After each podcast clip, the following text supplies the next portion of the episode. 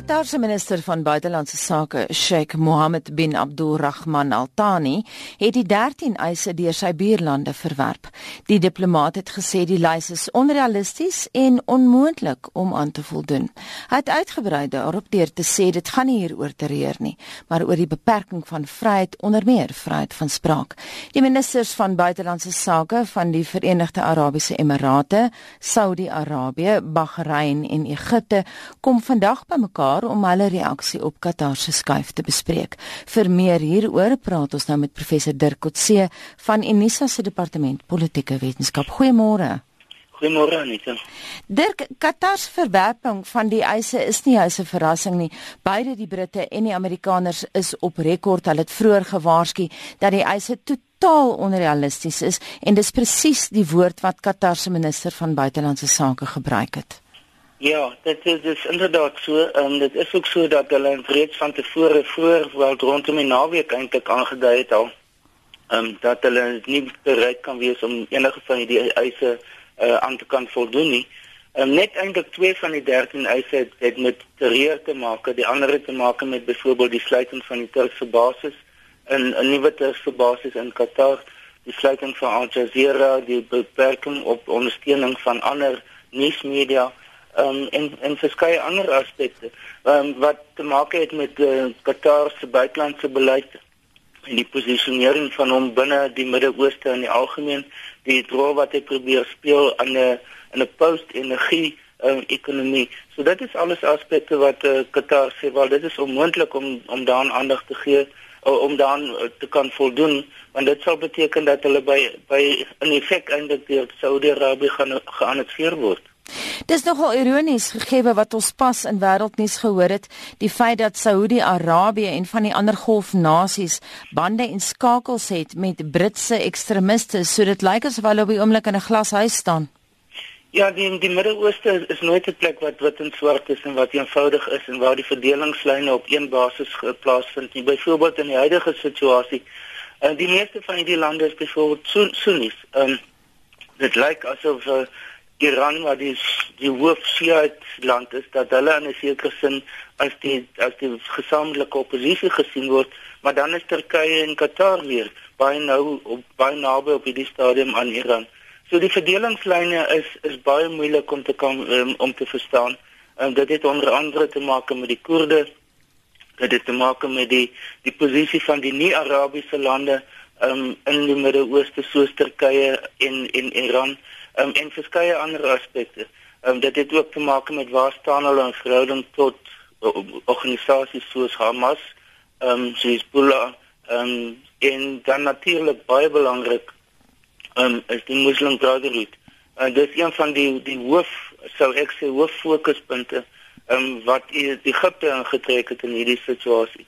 Um, omdat hulle soos ons weet sedert 2011 ehm um, beskuldig hulle eintlik vir Al Jazeera as een van die die hoof um, mediums uh, in die media um, wat die uh, die, die Muslim Brotherhood ondersteun het.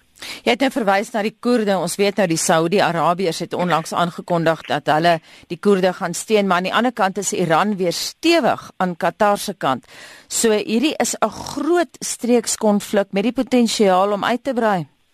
Ja, en die die land wat in die eerste instansie met die in in hierdie situasie betrokke is, is as gevolg van die Koerde is is natuurlik Turkye.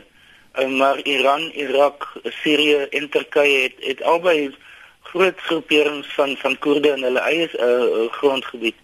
Ehm um, so dit is een van die redes dink ek hoekom uh, Turkye nou oorgeskuif het na Iran se kant toe.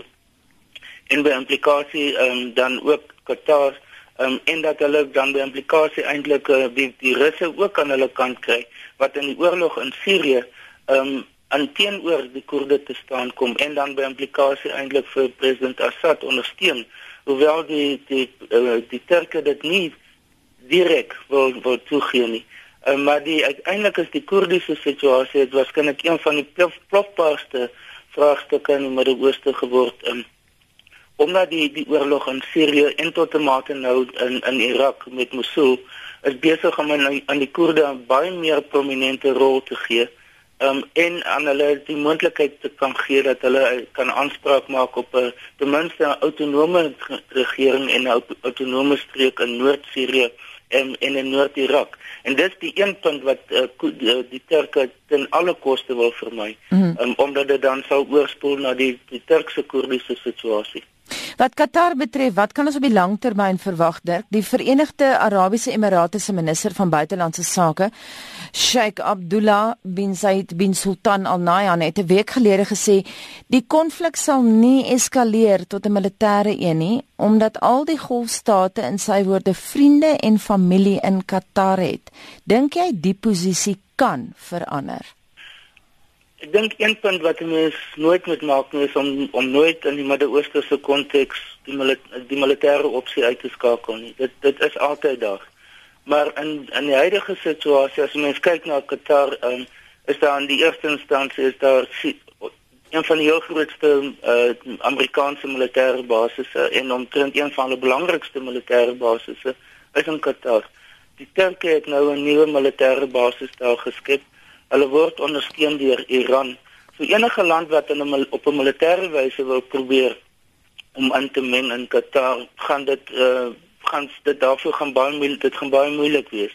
Ehm um, dit gaan nie wees soos in geval van Kuwait in 1991 wat dan nie hierdie tipe van ondersteuning gehad het nie en wat Irak eintlik net behoor hulle kon loop. Ehm um, in die geval van Qatar is dit glad nie die situasie nie. Ek dink wat ons gaan sien is 'n baie lang uitgerekte uh um, diplomatieke proses um, wat gemedieer word deur Kuwait reeds, um, maar wat verder deur uh, Kuwait um, gemedieer gaan word. Ek dink die Amerikaners gaan met tyd betrokke raak daarbey. Die probleem met die Amerikaners op die oomblik is, soos met baie vraagstukke in die wêreld, dat hulle verdeeld is. President Trump lyk asof hy baie sterk ondersteuner van die van die Saudis is, terwyl die minister van buitelandse sake, die sekretary of state Rex Tillerson, is ten gunste van 'n gebalanseerde of 'n meer gebalanseerde uh, diplomatieke proses en is nie ten gunste van die die huidige situasie in Qatar nie. Sê vir my uh, die rol wat Kuwait speel, is dit die regte land om die rol van bemiddelaar te speel om die krisis te ontlont? Um, op hierdie stadium ja, want hulle Kuwait word aanvaar deur albei kante as 'n land wat wat die die rol kan speel, wat 'n bemiddelaar kan wees. Um, Maar ek dink as dit ehm um, begin groot uh supermoondheid uh vlak bereik en dan gaan Kuwait dit nie meer kan doen nie. As dit gaan oor byvoorbeeld die rol van van Turkye, die rol van van die FSA baie spesifiek, ehm um, dan sal Kuwait nie meer daai daai daai rol kan speel nie. Maar binne die konteks van die Midde-Ooste, tussen die lande van die Midde-Ooste, is dit wel moontlik vir Kuwait om dit te kan doen. Nou Qatar se planne om sy gasproduksie te verhoog met die hulp van die Iranese, het sy buurlande baie bekommerd dat Doha hom regmaak vir 'n langtermyn dispuut. Ja, dit is wat hulle reeds aangedui het. Um, mens sien dit die onmiddellike reaksie byvoorbeeld met die die afsny van kos kosvoorrade aan Kuwait vanaf lande soos Saudi-Arabië.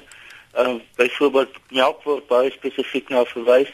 Het hulle onmiddellik oorgeskakel na Turkye toe um, as gevolg van die feit dat hulle so 'n gesofistikeerde lugvaartstelsel het in die vorm van uh die Qatar Airways het hulle letterlik toegang tot die hele wêreld. Um, en dit beteken dat hulle enigiets ook kan invoer van enige plek van die wêreld af. Um, en omdat hulle die beskou word as een van die heel grootste produsente van vloeibare gas, uh, beteken dat hulle op hierdie stadium 'n inkomste bron het wat onafhanklik staan van enige van hierdie lande wat hulle op hierdie stadium boikot of 'n blokkade teen hulle het. En die geluk is dat hulle wel toeg direkte toegang tot die see het, um, plus dan die die lugvaart. So dit maak dit moontlik vir Qatar om wel voort te kan gaan teen natuurlike baie hoë koste, maar dit is hulle bereid om te doen. Baie dankie en so sê professor Dirk Kotse van Unisa.